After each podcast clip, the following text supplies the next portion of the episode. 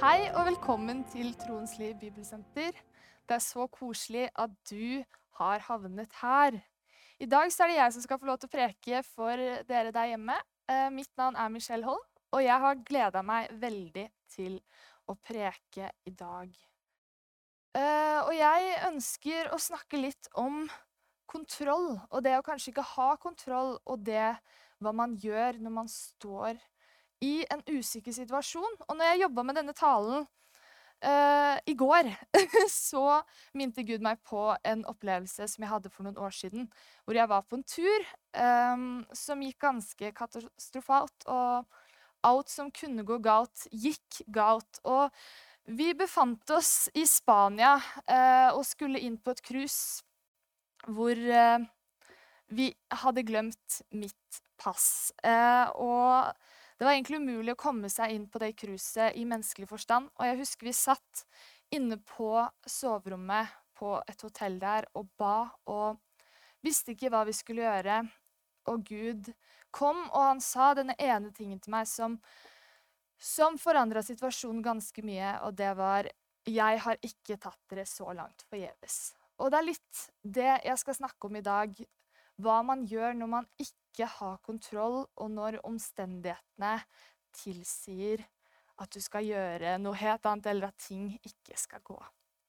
Eh, og jeg vil i dag ta utgangspunkt i David og hans ja, eh, opplevelse i Engedi, men jeg vil først se på bakgrunnen for det.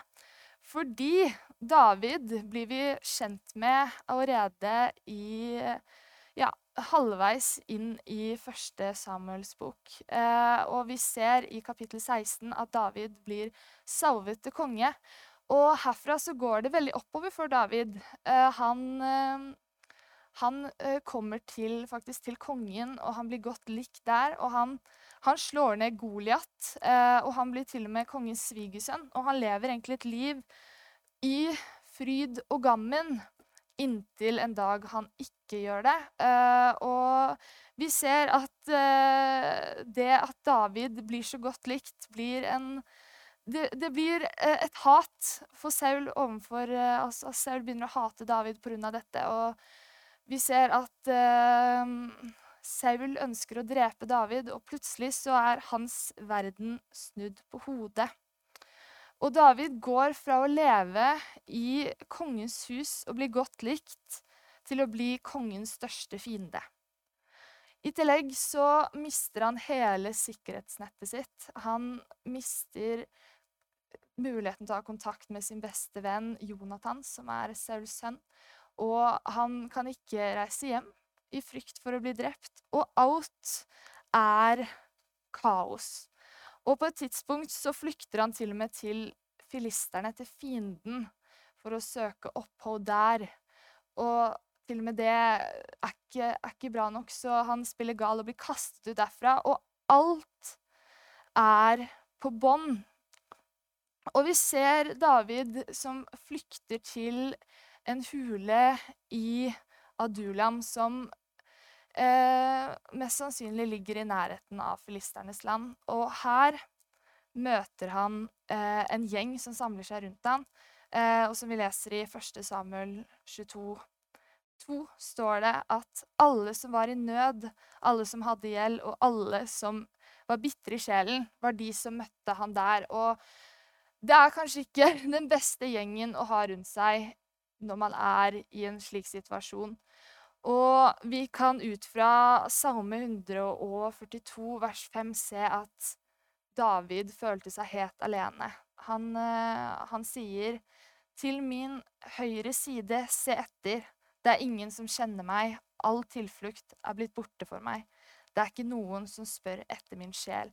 Og Vi kan ut fra det skjønne at David føler seg helt alene. Han føler at det er ingen som har respekt for ham. Det er ingen som vil være med han, og alt er egentlig helt på bånn.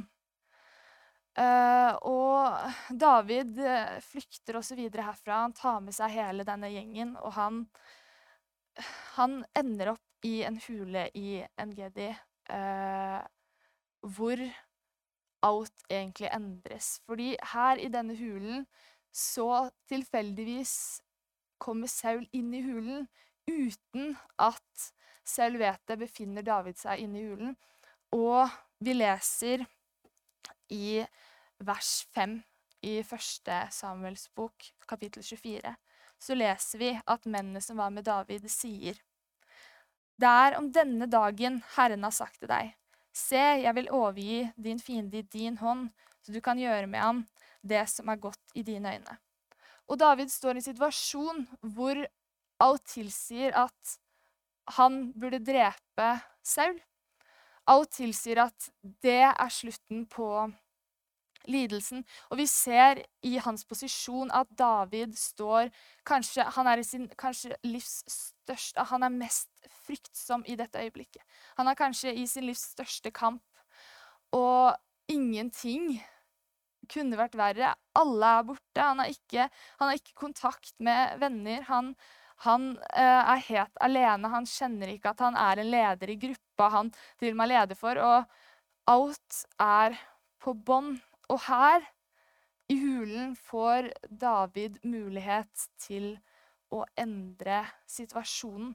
Og jeg tror ofte i våre egne liv så står vi overfor lignende situasjoner. Vi kan møte på ting, og vi kan få lyst til å ta tak. Vi kan få lyst til å ta opp kamper. Men som vi leser videre, så velger ikke David å drepe Saul. Og vi kan lese fra vers 6 hvor det står Eller slutten av vers 5. David sto opp og skar en flipp av kappen til Saul uten at han visste det. Men etterpå skjedde det at David fikk et stikk i hjertet fordi han hadde skåret i Sauls kappe. Han sa til sine menn, Må Herren forby at jeg skulle gjøre dette mot min herre, Herren salvede, og legge hånd på ham. Han er jo Herren salvede. Slik holdt David tjenerne sine tilbake med disse ordene, og han lot dem ikke overfalle Saul. Og Saul kom ut av hulen og dro sin vei.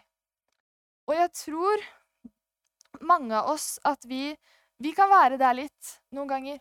Vi kan stå overfor situasjoner hvor vi har lyst til å ta tak, men jeg tror noen ganger det er viktig for oss at vi er som David. At vi velger å ikke kjempe de kampene som ikke vi skal kjempe. Og jeg tror det er så utrolig viktig å se, for jeg tror i de tidene vi står nå, så står vi overfor situasjoner vi kanskje aldri har møtt før. Vi er i en pandemi, og vi står overfor valg, og vi har det vanskelig. Og jeg tror i en sånn tid er det mange ting vi kanskje ønsker å gjøre, og det er mange ting vi ønsker å by oss ut på. Men jeg tror det er viktig å se, sånn som David ser her, at det er noen kamper vi ikke skal kjempe. For det er noen kamper som er Guds å kjempe. Og Hvis vi skal se på det her i en mer billedlig form, så kan vi se på betydningen av navnet Saul fra hebraisk, som betyr spørsmål. Og vi kan ut fra dette tolke det som at David gir slipp på spørsmålene. Og jeg tror I våre liv så tror jeg det er viktig at vi noen ganger gir slipp på de spørsmålene som ikke vi skal svare på. Jeg tror det er viktig at vi gir slipp på det som er for vanskelig, fordi vi må se at Gud svarer i rett tid. Og det er akkurat det David gjør. Han velger å la Saul gå. Akkurat der. Det er egentlig et, det vanskeligste valget han kanskje noen gang gjør, fordi han velger å gi slipp på han. Og vi ser senere også at Saul fortsetter å forfølge David. Han fortsetter, han, David sparer Sauls liv enda en gang. Og vi ser at David faktisk må leve i denne trengselen, denne frykten, mye lenger. Men på tross av dette ser vi også at Gud gjennomfører sitt løfte. Gud gjennomfører sitt løfte, og når tiden er inne, så blir David konge. Og jeg tror det er sånn i våre liv òg, at når du møter på en utfordring som er større enn deg selv, så må du også ta valg som er større enn deg selv. Og greia med det er at du kommer fram, og du får lov til å se Guds mirakler i ditt liv. Og det er en større glede enn å ta de valgene i de situasjonene. og ta den letteste utveien i de situasjonene. Men det er ikke alltid den riktige utveien. Og jeg tror vi som mennesker må bli flinkere på å se Guds plan i en helhet, og ikke i de små øyeblikkene. For hvis vi lærer oss å se at Gud er større enn her og nå, vil vi også klare å se at Guds mirakler brer seg lenger enn akkurat her. Og jeg vet ikke hva du går igjennom i ditt liv akkurat nå. Jeg vet ikke hvilke kamper du møter. Jeg vet ikke hva du står overfor, hvilke valg du må ta. Om det gjelder i familieliv, om det gjelder i karriere, om det er noe annet, om det er at denne pandemien har slått deg ned, eller om det er et eller annet du står overfor. Men jeg vet at du har en far som ønsker å ta kampene for deg. Jeg vet du har en som tar kontroll, og som tar de tingene som er større enn deg selv. Og jeg tror det er viktig å huske på at når kampen er større enn deg, når kampen er Guds kamp, så er det også hans problem å fikse. Det er også han som må ta seg av det, og det er ikke ditt ansvar å finne ut av det. Og jeg tror Hvis vi klarer å leve slike liv, vi klarer å se sånn som David her, vi klarer å se at det er mer enn oss, det er mer enn hva vi gjør, så klarer vi også å bygge opp en tro som strekker lenger, som når dypere. Og vi kan lære oss å også bygge opp andre. For som vi også ser her, så blir David en leder for over 300 mann med folk i nød, med folk som er bitre. Og det er sikkert en veldig vanskelig oppgave. Fordi David står i en situasjon hvor han selv frykter så mye. Og han er i en situasjon hvor han aldri har hatt det vanskeligere selv. Men selv i den situasjonen så tar han seg av andre. Hvilken lærepenge er det egentlig? Hvilke valg er det vi tar? Velger vi å bli for fokuserte på våre egne liv, eller klarer vi å se andre i våre problemer? Klarer vi å se at det er ikke bare oss det gjelder, men det er også de rundt? Klarer vi å faktisk hjelpe og støtte andre selv når vi selv har det vanskelig? For jeg tror hvis alle, hvis hver og en av oss hadde brydd seg litt mer om de rundt seg istedenfor oss selv, hadde vi levd i en mye bedre verden. Og jeg tror, som vi ser videre også, så blir David en konge som følger Gud. Han blir en konge som støtter seg på han. Og grunnen til det er faktisk at han tar de rette valgene i rett tid. Og han starter på rett sted. Fordi det er veldig fort å tenke at man skal ta det seinere. At man skal begynne seinere. At man skal prøve seinere. Uh, men det funker ikke sånn. Du skjønner, Vi vet ikke hvor lenge vi er her, og vi vet ikke hva som kommer i morgen. Og vi vet ikke hva som ligger foran. Men jeg vet at det du gjør i dag, former livet ditt i morgen. Alle valgene du tar, former livet ditt, og de former livet til de rundt deg. Og jeg tror Det er viktig å se det i et større perspektiv, og det er viktig å se at våre valg har en hensikt. Våre valg har en betydning, og de har konsekvenser. Og selv de små og store valgene har konsekvenser. Og jeg sier ikke at du ikke skal feile, for det gjør vi alle. Og vi feiler ofte. Og det er derfor Gud har gitt oss nåde. Men det betyr ikke at vi skal prøve å strekke strikken så langt vi kan. Det betyr ikke at vi skal prøve å gå en annen retning. Og det viktigste jeg ønsker at du skal få med deg, er det at du skal skjønne at du skal lene deg på noen andre når du ikke har kontroll. At du skal se at det er ikke hva du gjør som betyr noe, men det er hvem som gjør det gjennom deg. For jeg tror vi som mennesker ofte kan lene oss for mye på egne handlinger. Vi kan ofte lene oss for mye på hva vi selv kan gjøre, og hvordan vi strekker til som mennesker. Men problemet er at vi på de fleste områder ikke når fram. Vi får det ikke til. Og vi kan se tidligere også at David han ber ut til Gud.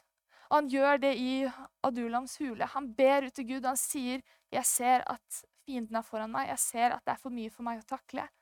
Men jeg tror på din trofasthet. Jeg stoler på at du vil gjøre det. Hvilke liv kunne vi ikke levd hvis vi alle hadde trodd nok? Hvis vi hadde hatt en fullkommen tro i Jesus Kristus, vi hadde hatt en fullkommen tro på at Gud kjører gjennom hans plan. Jeg tror det er ikke før vi klarer å se bort fra våre omstendigheter, se bort fra å ha kontroll og se inn i hvem som har kontroll, at vi kan leve fullkomne liv. For ingenting er farligere enn et menneske som ikke blir påvirket av sine omstendigheter. Og jeg tror, hvis du sitter der hjemme og kjenner at du må ta noen valg, at det er noen kamper du har lyst til å kjempe, men som blir for store for deg, det er noen valg du kjenner du må ta, og det blir for mye, så husk at du kan lene deg på en som vet svaret. Og jeg ønsker at vi skal sammen kunne stå sammen og se at vi har en far som når overalt. Vi har en som vinner overalt. Og jeg har lyst til at du skal kunne stå i dine usikre omstendigheter og stå støtt. Og det er, en, det er en reise, men jeg tror det er viktig at du kommer der. Jeg tror det er viktig at du tar de riktige valgene og de riktige stegene, slik at du kommer dit. Jeg tror ikke du skal begynne i morgen. Jeg tror ikke du skal starte på feil sted, men jeg tror du skal lene deg på Han. Du skal lene deg på Gud, og du skal se at når du gjør det, vil livet ditt bli forandret. Du skal se at når du trer inn i det han har lagt på ditt liv, og ikke det du selv har tenkt du vil gjøre, ikke det andre forteller deg du burde være, ikke det foreldre sier, ikke det kollegaer sier, ikke det kjærester eller ektemenn eller koner eller alt sier, men det Gud legger på ditt liv. Jeg vil ikke at vi skal bli styrt av våre omstendigheter. Jeg vil ikke at vi skal bli styrt av menneskene rundt oss, men vi skal bli styrt av hva Gud ønsker på våre liv. Og det er veldig fort gjort, som David her, som vi ser i vers 5 i 1. Samuels bok, kapittel 24. Så ser vi at mennene som er med han, foreslår at han skal ta Sauls liv. De foreslår at dette er Guds plan. De antar at ettersom denne handlingen skjer, som er ganske flott på David, så er det Guds plan. Og jeg tror det er veldig skummelt å tenke slik. Jeg tror det er veldig skummelt å handle sånn. Og jeg tror det er viktig oss at vi ser det. Fordi hvis vi skal la oss bøye av hva andre forteller oss at Gud sier til oss, så vil vi aldri nå Gud. Vi vil bare nå menneskene rundt oss. Og vi vil bøye oss etter dem, og ikke etter Guds plan. Og denne historien kunne sett ganske annerledes ut hvis David hadde tatt det valget. Denne historien kunne faktisk vært en helt annen. David hadde kanskje fått et lettere liv i øyeblikket. Han hadde kanskje kjent at det var, det var Han kunne slippe ned skuldrene. Men jeg tror at kampen er den viktigste reisen. Jeg tror at når vi står i kampen, er det viktigste vi kan gjøre. Jeg tror det er nettopp der vi vokser. For jeg tror som et frø som blir plantet i jorda, så ser det veldig mørkt ut. For når du dekker over et frø med jord, så kan det nesten se ut som en begravelse. Og jeg tror det er nettopp der, på grunn av det, på grunn av det å plante ser ut som en begravelse, at mange velger å ta steget med å trekke seg ut av kampen. Trekke seg ut av planen.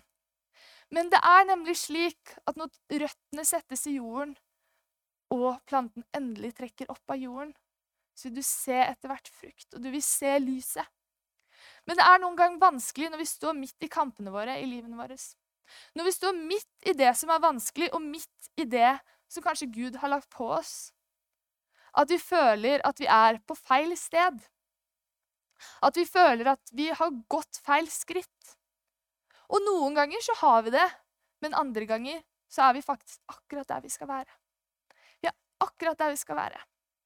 For du skjønner, når David står i den situasjonen her, Når David tar det valget han har, uansett hvor vanskelig det er, uansett hvor hardt det er å stå akkurat der han står, så ser Gud at David har en tillit til han fremfor omstendighetene.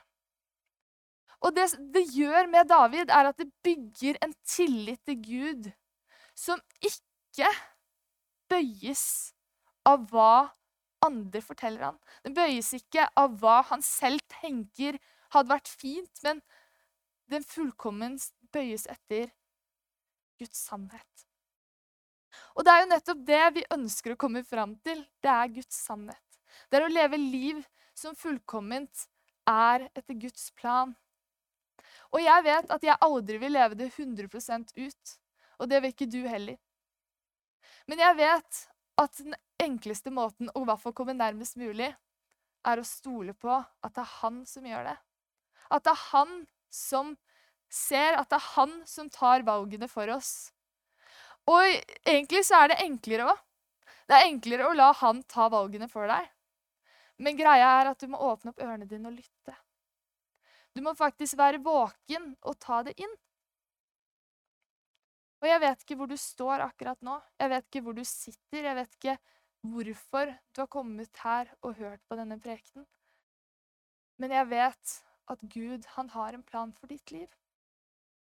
Jeg vet at selv om du er gammel, eller om du er ung, eller om du er midt imellom, så har Gud fortsatt en plan.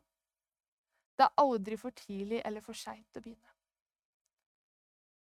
Jeg tror det er på tide at du går den veien Gud vil at du skal gå. Jeg tror det er på tide at du tar de rette stegene, at du tar de rette valgene. Og at du stoler på hvem som er med deg i situasjonen, og ikke hvilken situasjon du står overfor.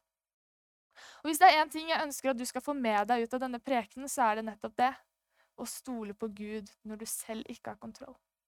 Og som vi selv satt og gjorde på det soverommet i Barcelona for noen år siden, når alt virket mørkt, og det virket som ingenting skulle gå bra, så var det nettopp der Gud møtte oss. Det var nettopp der vi fikk lov til å se et mirakel. Det var nemlig slik at vi kom inn på det cruiset selv om alt tilsa at vi ikke skulle det. Selv om omstendighetene våre tilsa at dette er umulig.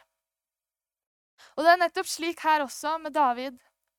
At selv om omstendighetene tilsier at hvis du lar han gå nå, så er du kanskje død i morgen.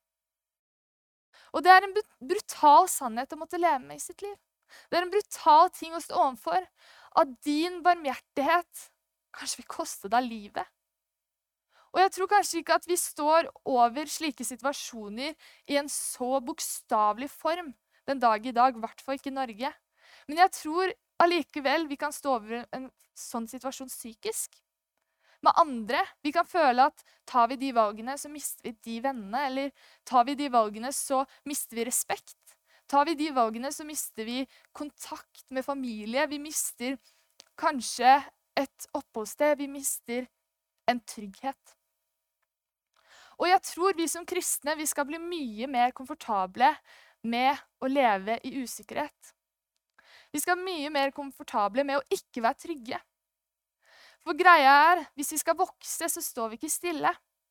Og så lenge du ønsker å vokse, så må du bevege deg hele tiden. Du må ta de stegene som du må ta, og du må gå i den retningen Gud vil at du skal gå.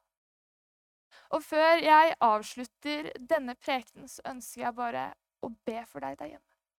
Jeg ønsker bare å be for at du skal ta de valgene som Gud har lagt på livet ditt, at du skal gå den veien som han har kalt deg til å gå. Og om du ikke kjenner Jesus ennå, om du ikke kjenner Gud ennå, så ønsker jeg at du kan bli kjent med han nå. Så ønsker jeg at du kan få lov til å ta det valget, det beste valget du kan ta i ditt liv.